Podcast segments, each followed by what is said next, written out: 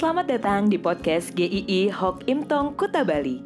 Penginjil Ray Reginaldi akan membagikan renungan harian singkat untuk membawa Anda mengenal dan menyembah Tuhan Yesus, bertumbuh dan menjadi murid Kristus, serta berdampak untuk banyak orang. Jika Anda merasa diberkati melalui renungan ini, silahkan bagikan podcast ini agar orang lain juga diberkati. Inilah renungan hari ini.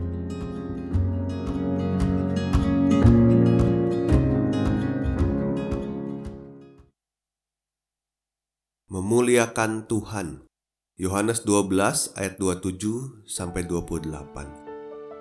Sekarang jiwaku terharu dan apakah yang akan kukatakan? Bapak, selamatkanlah aku dari saat ini? Tidak, sebab untuk itulah aku datang ke dalam saat ini. Bapak, muliakanlah namamu. Maka terdengarlah suara dari sorga. Aku telah memuliakannya dan aku akan memuliakannya lagi. Seberapa banyak di dalam hidup kita kita memikirkan kondisi diri kita sendiri ketimbang kita memikirkan kemuliaan Tuhan.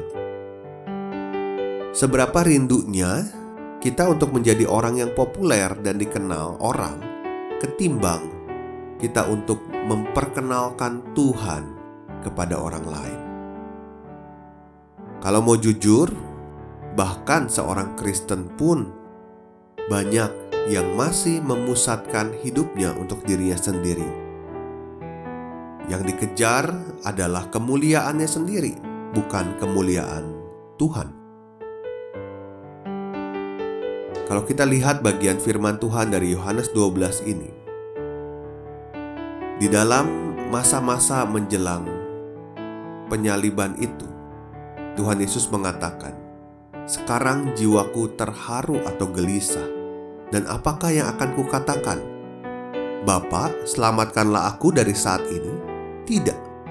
Sebab untuk itulah aku datang ke dalam saat ini. Bapak, muliakanlah namamu. Tuhan Yesus tahu hanya dialah jalan keselamatan. Sekalipun itu mengerikan, menjijikan, tetapi Tuhan Yesus tidak meminta untuk diselamatkan dari salib itu. Tetapi dia menyatakan tujuan dia datang. Jika kita mengerti mengapa Kristus harus datang, kita juga akan mengerti apa artinya menjadi orang percaya di dalam Kristus. Kemuliaan itu bagi Bapa. Salib adalah kemuliaan Allah. Kalau diperhatikan di adegan selanjutnya, begitu mengagumkan karena Allah Bapa berkata, "Aku telah memuliakannya dan aku akan memuliakannya lagi." Di sini hanya Tuhan Yesus yang mendengar suara ini dengan jelas. Sekalipun orang banyak tidak mengerti, tetapi Tuhan Yesus tidak lantas gelisah lalu mencari pengesahan orang lain supaya mereka mengerti. Tuhan Yesus hidupnya diarahkan hanya untuk kemuliaan Bapa dan Bapa pun memuliakan Tuhan Yesus. Ini adalah momen yang menggetarkan bahwa semua rencana keselamatan ini untuk kemuliaan Allah saja. Maka hidup yang sudah diselamatkan itu arahnya harus benar-benar tertuju pada Tuhan saja, bukan kepada diri kita sendiri. Salib itu membawa sisi penghakiman atas dunia ini penguasa dunia ini dikalahkan. Bahkan kematian tidak akan mengalahkan orang-orang percaya. Kita dikatakan lebih dari pemenang.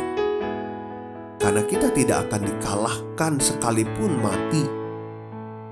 Bukan saja kita tahu hasil akhirnya nanti, tetapi hasil akhir itu menunjukkan bahwa kita tidak bisa digugat sebagai pemenang apa pun yang iblis lakukan di dalam hidup kita selama di dunia ini.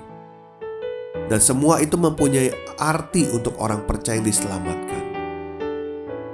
Dan aku, apabila aku ditinggikan dari bumi, aku akan menarik semua orang datang kepadaku. Itu yang dikatakan Tuhan Yesus.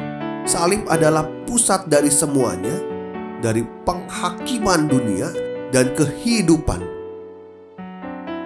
Maka di antara momen Jumat Agung dan Paskah ini, kita bisa mengingat kembali karya terbesar dalam keselamatan Tuhan Yesus sudah ada di dalam hidup kita. Maka kita harus mengarahkan pandangan hidup kita pada sisa perjalanan hidup kita ini hanya pada Kristus. Kita ditebus Tuhan bukan untuk hidup sia-sia lagi. Bukan untuk hidup untuk diri kita sendiri, tetapi kita hidup untuk Tuhan. Besok kita akan memasuki Paskah. Kita akan membahas satu tema kebangkitan. Sampai jumpa besok, Tuhan memberkati.